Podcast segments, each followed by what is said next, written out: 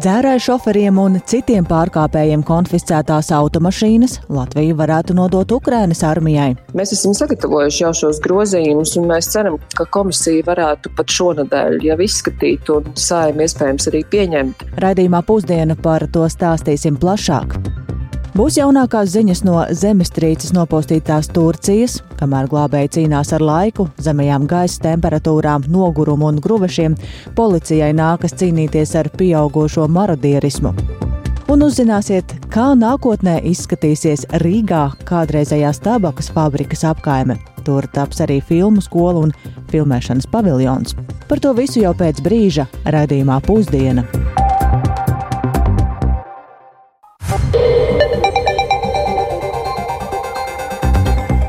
Piecas minūtes pāri 12. un laiks ziņu raidījumam pusdiena, skaidrojot šīs otrdienas, 14. februāra svarīgos notikumus. Studijā Dācis Semenoviča, esiet sveicināti! Saimā aktīvi turpinās darbs pie šī gada budžeta, un viens no sāpju bērniem valsts budžeta kontekstā ir Centrālā vēlēšanu komisija. Ievēlot jauno komisijas vadītāju, neviens vien deputāts no tribīnas apliecināja, ka šī iestāde gadiem ilgi ir bijusi bada maizē. Vai tas varētu atspoguļoties šīs iestādes finansējumā 2023. gada budžetā? To vaicāšu kolēģim Jānim Kincim, kurš šorīt ir sekojis līdzi apspriedēm Saimas valsts pārvaldes un pašvaldības komisijas sēdē. Sveiks, Jāni! Sveika, Dārts! Sveicināti klausītāji! Jā, par šo jautājumu komisijas sēdē izvērtās itin plašas debates.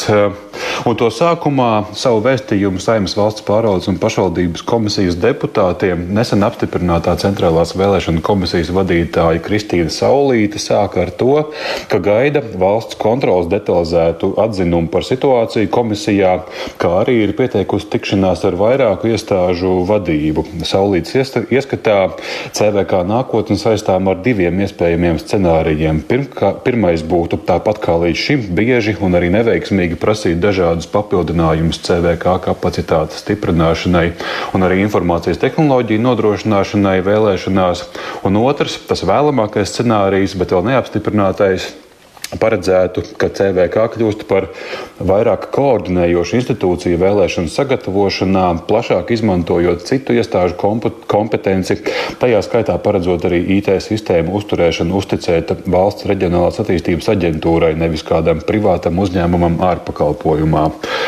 Topošā budžeta projekta kontekstā pašlaik nav atbalstīti CVK pērn sagatavotie pieprasījumi šim gadam IT sistēmas sagādē, jo vēl nav lēmumu par tās izstrādi un arī nākamo uzturētāju, un tāpat gaisā karājas vairāku komisijas darbinieku nepietiekamā atalgojuma jautājums. Izrādās jau pērn vasarā bija sagatavots pieprasījums to celt par 20%, taču tas valdībā palicis bez atbalsta. Tā rezultātā daļa komisijas darbinieku ir algoti zemāk par noteikto valsts pārvaldes atalgojumu slieksni, un vairāki darbu komisijā jau ir atstājuši. Turklāt, kā izrādās, CVK ir palikusi arī bez finanšu speciālistiem, kuras pērn sagatavoja šo atalgojumu pieprasījumu un spētu to varbūt arī ātrāk pielāgot. Un tā vietā Finanšu ministrija savos aprēķinos ir balstījusies uz iepriekšējā gada vidēja termiņa budžeta aplēsēm, un tas raisīja valsts pārvaldes un pašvaldības komisijas deputātu neizpratni. Paklausīsimies, ko teica deputāta Ingmārs Līdaka no apvienotā saraksta un Skaidrīta Ābrama no progresīvajiem. Tad, kad mēs apstiprinājām PVK locekļus, un mēs tur norunājām pusi dienas. Tas, jo šī gadījumā algas ir tas viens no noteicošajiem, kas var paturēt tos cilvēkus, kuriem tā kvalifikācija atļauj strādāt CVK, kas var tur viņus noturēt. Nu, šī gadījumā mēs pienāksim pie nākošajām vēlēšanām, ka tur nebūs cilvēki, kas vispār to procesu spēj vadīt. Centrāla vēlēšana komisija, viņai ir tiesības un viņai ir absolūts uzdevums pašai doties uz finanšu ministriju un aizstāvēt savu budžetu. Un tas ir absolūti nepieļaujami, ka finanšu ministrija neatkarīgas iestādes vietā izlemj, balstoties uz kaut kādu iepriekšējo trīsgadīgo pieprasījumu un nolaiž tos ciparus, par ko iestāde nav informēta. Un, lai centrālās vēlēšana komisijas eh, darbu uzlabošanai pagūtu sagatavot kādus konkrētākus priekšlikumus šā gada valsts budžetā uz galīgo lasījumu, Saimnes valsts pārvaldes un pašvaldības komisijas deputāti ceturtdien plāno sasaukt ārkārtas sēdi, kurā līdz tai ir uzdots centrālās, komisija, centrālās vēlēšana komisijas vadībai sagatavot ziņojumu ar precizētiem aprēķiniem par nepieciešamo papildu finansējumu. Tā skaitā arī Eiropas parlamenta vēlēšana, Eiropas parlamenta vēlēšanu informāciju informācijas sistēmas izstrādēji. No CVK jaunās vadītājas Kristīnas Saulītas teiktā skaidri jaušams, ka ar to nedrīkstētu kavēties, citādi nākamgad vēlēšanas notiks ar papīru un zīmoli, citējot precīzā tekstā. Savukārt finansējuma iecirkņu komisijā strādājošo algošanai nākamā gada maijā notiekošajās Eiropas parlamenta vēlēšanās. Tam finansējums tātad ir ieplānots iestrādēs jau nākamā gada budžeta plānam. Paldies, Jānei, tas par Centrālo vēlēšanu komisiju un tai vajadzīgo naudu, bet par budžetu turpinot satraukta par veselības aprūpes pasliktināšanos ir arī Latvijas veselības un sociālās aprūpes darbinieku arotbiedrība un Latvijas slimnīcu biedrība. Tikko abas šīs organizācijas nāca klajā ar savu paziņojumu, un tāpēc pie telefona klausulas šobrīd veselības un sociālās aprūpes darbinieku arotbiedrības vadītājs Valdis Kēris. Labdien! Labdien! Neapmierinātību ar naudas sadalu esat jau pauduši iepriekš, bet atgādiniet, kas ir tas, kas eh, šobrīd visvairāk jūs satrauc? Uh, atvainojiet, kaut kādi traucējumi bija uh, ēterā, vai jūs varētu vēlreiz lūdzu? Jā, kas ir tas, kas jūs satrauc un kādēļ šodien tika sasaukta šī sanāksme? Jā, paldies. Jautājums ir skaidrs. Satrauc mūs neattaisnotais lielais līdzekļu iztrūkums veselības aprūpas budžetā, atbilstoši tam, ko pagājuši gadu apstiprināja iepriekšējā Kariņa kunga vadītā valdība, šogad Latvijas veselības aprūpei, veselības ministrijai, kas ir atbildīga par nozars pamatfunkciju izpildi, tieši pamatfunkciju normālajai nodrošināšanai bija vajadzīgi papildus 306 miljoni eiro, no kuriem valdība ir nolēmusi piešķirt papildus tikai aptuveni 86. Jā, un tad kādas ir tās jūsu prasības šobrīd? Visas 306, tātad papildus 220 uh, aptuveni miljonus uh, esiet tik labi un piešķiriet, jo pretējā gadījumā notiks tas, kas arī ir paredzēts minētajā valdības rīkojumā par sabiedrības veselības pamatnostādnēm 2021. un 2027. gadam. Proti, ja nebūs politiskās gribas vajadzīgajam līdzekļu piešķīrumam, tad veselības aprūpas pieejamība un kvalitāte valstī pasliktināsies, un tas būtu nepieļaujami. Nu jā, finanšu ministrs jau līdz šim ir nosaucis šo par vienu no dāsnākajiem pieaugumiem, to, tomēr, ja šo naudu nesaņemsiet, kāda ir tālākā jūsu rīcība? Mēs esam pienācīgā veidā informējuši par draudošo situāciju saimnes deputāts, aicinājuši viņus nepieļaut tādu budžeta apstiprināšanu, kas šo te veselības aprūpas katastrofu veicinātu. Mēs esam arī par situāciju informējuši Eiropas uh, komisiju. Nosūtīsim vēstuli arī valsts prezidentam un tiesību sargam, un ja tas viss nelīdzēs, tad lai Latvijas vēlētāji izlēmīja, vai viņu balsojums iepriekšējās saimnes vēlēšanās ir bijis Viņu paši interesēs. Nu, tas arī viss lielos vilcienos. Paldies. Arī Sap... vēlētāji ir atbildīgi par savu izvēli. Paldies. Turpināsim mēs arī sekot līdzi budžeta apspriešanas gaitai. Un tikko dzirdējām veselības un sociālās aprūpes darbinieku arotbiedrības vadītāju Valdi Keri. Bet mēs turpinām ar citiem tematiem. Un Latvijā dzērāju šoferiem un citiem konfiscētos auto varētu nodot Ukrainas armijai. Šādas likuma izmaiņas ir sagatavojusi Finanšu ministrija un ieceri atbalsta arī koalīcija. Ministrija cer, ka atbildīgā sēmas komisija jau šonadēļ grozījums varētu nodot parlamentam. Stāvvietās konfiscētās mašīnas tikmēr krājas, tāpēc arī izmaiņas varētu skatīt steidzamības kārtā. Un studijā man šobrīd pievienojas Linda Spondiņa, kas eh, par šo ir gatava stāstīt vairāk. Sveika, Linda, kas tad ir zināms par šo ieceri? Eh, sveika, Dārts! Labdien, klausītāji! Par šo ieceri pēc valdību veidojošo partiju sanāksmes vakar paziņoja premjers, sakot, ka koalīcija panākusi vienošanos, ka dzērāju šoferiem konfiscētos auto varētu nodot Ukrainas armijas vajadzībām. Priekšlikumu rosinājusi Finanšu ministrija tur noskaidroja, ka iecerē neatiektos tikai uz dzērāju šoferiem atņemtiem auto, bet gan uz visiem konfiscētiem transporta līdzekļiem. Protams, jāpiebilst, ka konfiscēto auto skaits ir aptuveni divkāršojies kopš pagājušā gada nogalē. Novembrī stājās spēkā likuma izmaiņas, kas paredz kriminālu, kas paredz kriminālu atbildību dzērāju šoferiem, kas brauc reibumā virs pusotrai promilai.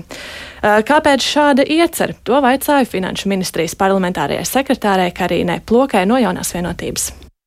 Tā kā mums ir bijušas vairākas tikšanās ar NVO, kas strādā nu, tieši ar Ukrainu, šī ideja kopīgi radās šīs automašīnas ziedot tieši armijas vajadzībām. Es gribētu uzsvērt, ka šis nav varbūt tik daudz jautājums par finansiālo ietekmi, jo tas tomēr ir ziedojums Ukrainai.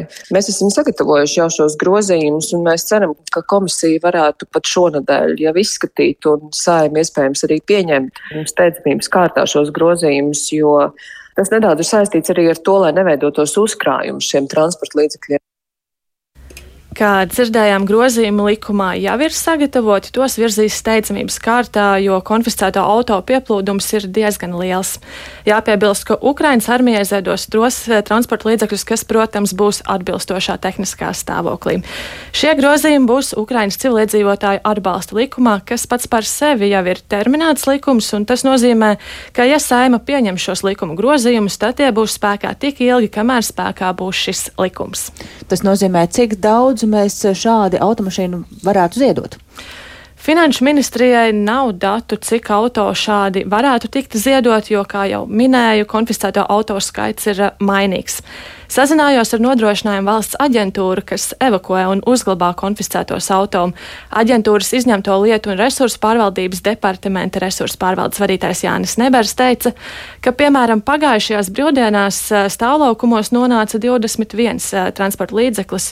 Šobrīd glabājas vairāk nekā 600 automašīnas, taču stāvlaukuma kapacitāte ir 850 aģentūrā kopumā visos procesos, gan krimināla procesa, gan administratīvie, tad kopējais transporta līdzekļu skaits ir 664 transporta līdzekļi. Kustību mēs vēlētos ātrāk no valsts ieņēmuma dienesta puses, jo ar lēmumu par konfiskātu pie mums glabājas jau aptuveni 100 transporta līdzekļi, kas jau ir kļuvuši pa valstī piekatīgo mantu, un uh, ar kuriem valsts ieņēmuma dienestam vajadzētu veikt kaut kādu rīcību, tad vai nu utilizāciju vai realizāciju. Ja mēs runājam par uh, valsts ieņēmuma dienestā, tātad vai valsts īpašumā esošajiem jau konficētajiem transporta līdzekļiem, tas tuvojas jau divu mēnešu periodam, kad uh, transporta līdzekļi stāv aģentūrā. Vidēji valsts ieņēmuma dienests gadā realizē 250 automašīnas, bet kopš automašīnas atņem arī dzērāju šoferiem, skaits ir būtiski pieaudzis.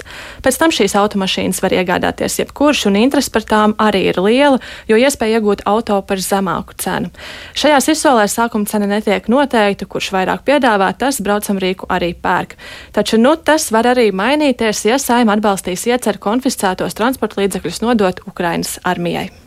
Paldies Lindai Spundiņai par ieskatu šajā tematā, un mēs turpinām ar to, ka pirms mirkļa valsts prezidents Egils Levits ir ieradies Eiropas parlamenta ēkā Strasbūrā, kur Pēc brīža arī viņš plāno uzrunāt deputātus un ir sagaidāms, ka Levits galveno uzmanību veltīs um, Krievijas sāktiem karam Ukrainā un nepieciešamībai saukt pie atbildības tos, kas pastrādāja tur kara noziegumus. Un Levits ir trešais Latvijas prezidents, kas jebkad ir uzrunājis Eiropas parlamentu, un tur ir uzstājušies arī divi premjerministri Krišjānis Kariņš un Lemdota Straujuma.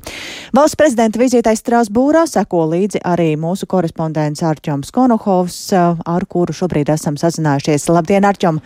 Kas ir zināms par šīs dienas Levita uzrunas galvenajiem tematiem?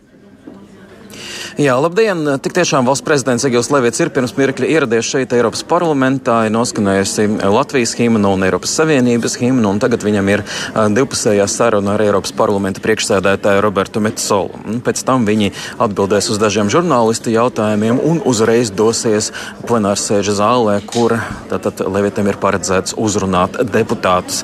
Ir zināms, ka galveno uzmanību viņš veltīs jautājumiem, kas ir saistīti ar Ukrainu. Ukrainu, un viņš runās četrās valodās. Viņš runās latviešu, angliski, vāciski un franciski. Un šāda praksa ir diezgan, ja neizplatīta, tad noteikti iecienīta starp Eiropas valstu un arī Eiropas Savienības iestāžu vadītājiem. Šādi viņi mēģina dažādām, dažādiem mēdījiem un arī dažādu valstu politiķiem sūtīt dažādus vēstījumus un akcentēt tos tādā veidā. Tāpat ir zināms, ka Levits runās par Ukrainas tribunālu izveidu un par juridiskiem risinājumiem, kā varētu izmantot līdzekļus, kas ir šobrīd iesaldēti Krievijai un Krievijas centrālajai bankai, kā tos varētu veltīt Ukrainas rekonstrukcijai. Tāpat arī, protams, būs runa par varas atzaru līdzsvaru, par tādiem jautājumiem arī kā um, likumu vāra un daudziem citiem vairāk juridiskās dabas jautājumiem, kas Levitam, protams, kā bijušiem tiesnesim, ir diezgan tuvi. Jā, šādas uzrunas Eiropas parlamentā, cik tās ir ierastas un ko mēs varam secināt no iepriekšējās pieredzes par tām? Dažādu valstu premjeru un prezidenta Eiropas parlamenta deputātus uzrunā diezgan regulāri. Tam ir dažādi iemesli un dažādi formāti, bet mērķis gandrīz vienmēr ir līdzīgs. Tas ir iepazīstināt Eiropas parlamenta deputātus ar konkrētās valsts un šajā gadījumā Latvijas skatījumu uz aktuālo jautājumu risināšanu Eiropā. Un, protams, kā arī Eiropas par, Eiropa parlamentārieši. Viņi paši ir ieinteresēti šādās uzstāšanās reizēs, jo šādi viņi mēģina parādīt, ka tā ir nozīmīga vieta, kur notiek svarīgas diskusijas un ka pie viņiem ierodas arī svarīgi Eiropas valstu līderi. Paldies Arčumam Konohovam no Strasbūras. Levita runa tātad tur jau pēc maza brīža. Bet par spīti tam, ka nu jau iespējamība ir ļoti maza, brīnumi notiek un joprojām arī izdodas atrast kādu dzīvu cilvēku zemestrīces skartajā Turcijā. Taču tie ir atsevišķi gadījumi un upuru skaits vairāk nekā nedēļu pēc zemestrīcēm Turcijā un Sīrijā aizvien turpina augt un šobrīd tas tuvojas jau 40 tūkstošiem. Kamēr glābēji cīnās ar laiku, zemajām gaisa temperatūrām, nogurumu un gruvešiem policija savukārt cīnās ar marodierismu un plašāk par to stāsta Rihards Plūme.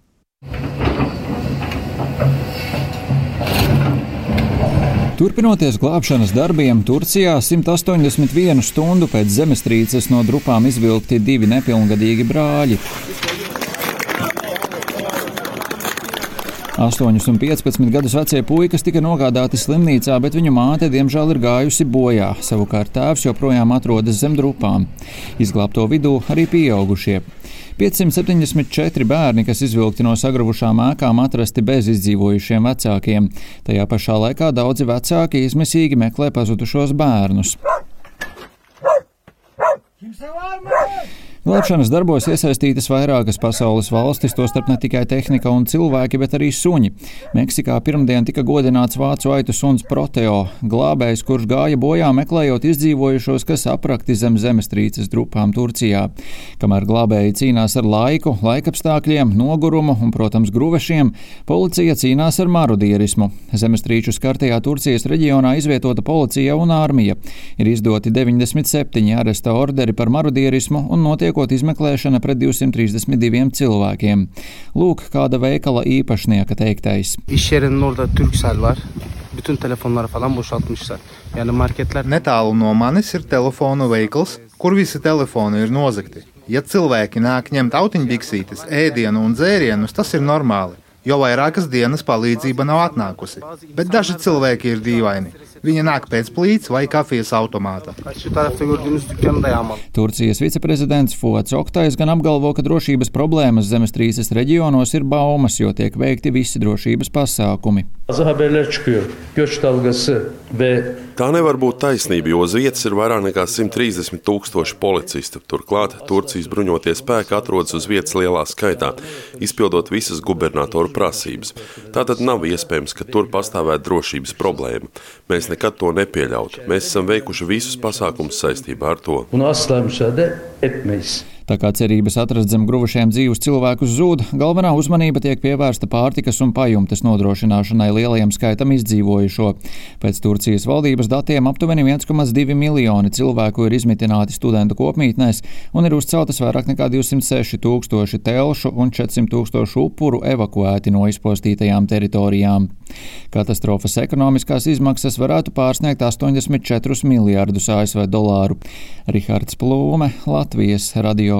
Atgriežamies pašmājās un tam, kā nākotnē izskatīsies Rīgā kādreizējās tabakas fabrikas apkaime. Tur šodien ir iemūrēta laika kapsula un sākti būvdarbi kultūras un radošo industriju atbalsta centra TAB FAB izveidai, un tas nozīmē gan jaunu infrastruktūru Latvijas kultūras akadēmijai, tās filmu skolai, kā arī radošo industriju biznesa inkubatoram. Un pati savām acīm aplūkot šo teritoriju devās kolēģi Agnija Lazdiņa, kura man šobrīd pievienojas studijā. Sveika, Agnija, un kā tad šobrīd tur izskatās un kā izskatīsies nākotnē? Labdien! Jā, ņemot vērā, ka turpat blakus tabakas fabrikai atrodas jaunais Rīgas teātris, tad būvdarbi ir sadalīti divos posmos, un pirmajā kvartāla attīstības posmā netiks skartas tās ēkas, kurās šobrīd atrodas jaunais Rīgas teātris, kurš tad gaida, kad varēs atpakaļ pārvākties uz savām vēsturiskajām telpām Lāčplēša ielā. Un pirmajā posmā pārbūvēs radošo industriju biznesa inkubatora un Latvijas kultūras akadēmijas Nacionālo filmu skolas ēku, kur tad būs gan jaunas auditorijas, montāžas telpas, skaņu studija, var teikt, viss, kas nepieciešams filmu skolai.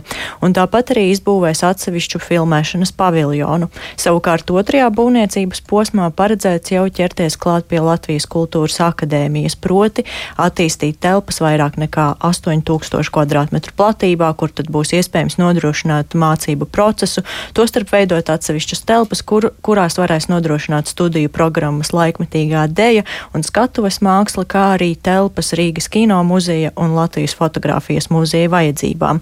Paklausīsimies, kāds ir Latvijas kultūras akadēmijas rektoras Rūtas Muktu Pāveles viedoklis par to, cik svarīgas ir jaunas telpas un sakārtota sakopta vide studentiem. Ja mēs vēlamies, lai jaunieši paliek Latvijā, nu mēs nevaram viņus turēt cepelējušās sienās. Viņi brauc tiešām pasaulē, viņi spēj salīdzināt, un viņi redz ne, šo attīstību, kas notiek Eiropā, kas notiek pasaulē. Nu, mēs nedrīkstam vienkārši atpalikt, ja mēs viņus gribam noturēt. Kultūra tiešām ir kā elpa, tā ir gan iedvesma, gan dzīvesveids, un visādā ziņā ārkārtīgi svarīga. Mēs nevaram būvēt uh, nākotni tikai uz idejām balstoties. Infrastruktūra ir absolūti nepieciešama. Šķūņos nevar izaudzināt civilizētus kultūrālos cilvēkus. Kā, uh, jā, tā, tā, tāds lūk ir kultūras akadēmijas rektors viedoklis. Plāni lieli, Cik ilgā laikā tie ir īstenojami? Kā jau iepriekš minēju, tad būvdarbi ir sadalīti šajos divos posmos, un pirmais posms būvdarbus īstenos līdz 2023. gada nogalē. Tā vismaz sola uzņēmums, kas tad veids būvdarbus, bet par otro posmu tur redzēsim tad, kad pirmais būs paveikts. Lūkosim, paldies! Tā bija Agnija Lazdiņa, un vēl Latvijas Nacionālā bibliotēka ir paziņojusi, ka no šodienas atkal ir atvērta piecas dienas nedēļā, ņemot vērā pieaugušās energo pakalpojumu cenas un to, ka resursi ir jāoptimizē. Oktobrī tās saīsināja darba laiku un bija atvērta vien četras dienas nedēļā. Kas šajā ziņā ir mainījies, to skaidrosim sarunā ar bibliotēkas saimniecības departamenta direktoru Juri Giedri, kurš pievienojas šobrīd telefoniski. Labdien! Jā, sveicināti. Tātad svētdienās, pirmdienās un otrdienās pēdējos mēnešus biblioteka apmeklētājiem bija slēgta, bet no šodienas, otrdienās atkal apmeklētājs gaidāt. Vai būs pieejami visi pakalpojumi?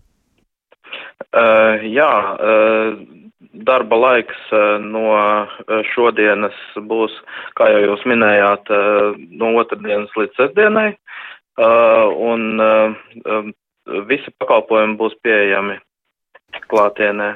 Jā. Iepriekš izmaiņu nepieciešamību pamatojāt ar šīm augstajām elektrības cenām un maksu par siltumu. Kas ir tagad mainījies? Uh, jā, mēs jau kopš ēkas atvēršanas uh, 2014. gadā esam uh, um, mērķiecīgi jau gājuši uz to, ka enerģijas patēriņu samazinām, un šajā gadā jau mēs, um, mūsu enerģijas patēriņš būs divas reizes mazāks apmēram nekā, kad uzsākām darbību.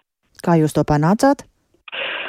Tas ir ļoti mērķiecīgi veicot um, optimizēšanu uh, klimata iekārtām un uh, sistēmu darbībā. Uh, tāpat arī luminescentā apgaismojuma uh, nomaiņu pret LED efektīvajiem gaismekļiem. Uh, tāpat arī samazinājuši esam temperatūru darba telpās no ziemas sezonā apkuras tas ir 19-20 grādi. Un vasarā attiecīgi palielināsim līdz tiem 25 grādiem, lai mazāk tērētu arī elektrību dzēsēšanai, kas ir arī nepieciešams. Bet vienlaicīgi mēs noteikti saglabājam arī to mikroklimatu krātuvēs. Tur mēs nevaram ietaupīt, tur mums ir 24-7 jādarbina iekārtas, lai tas krājums tiktu saglabāts ilglaicīgam periodam. Jūs jau teicāt, ka tagad izmaksas ir eh, divreiz mazākas. Vai jums ir tāda aprēķina, cik liels? Tas nav par izmaksām, tas ir par patēriņu mazāks. Patēriņu, jā, bet, jā, izmaksas? bet eh, izmaksas, protams, ir pieaugušas, neskatoties, neskatoties uz to, ka divreiz esam samazinājuši patēriņu. Izmaksas ir palielinājušās apmēram trīs reizes. Eh, tā kā tas ir, jā, tādā tādā, tādā rakursā. Vai šādu risinājumu jūs eh, līdz ar to arī apsverat uh, nākotnē, ka tas varētu būt veids, kā ietaupīt, ka jūs samazinat to dienu skaitu, kad esat atvērti? Uh, šis dienu skaits tā arī plānojās pagaidām.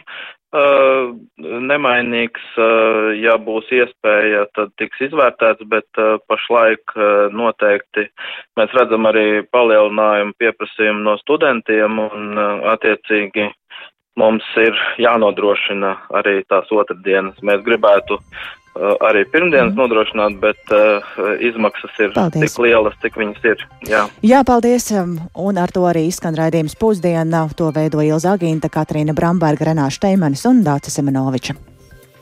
Yeah.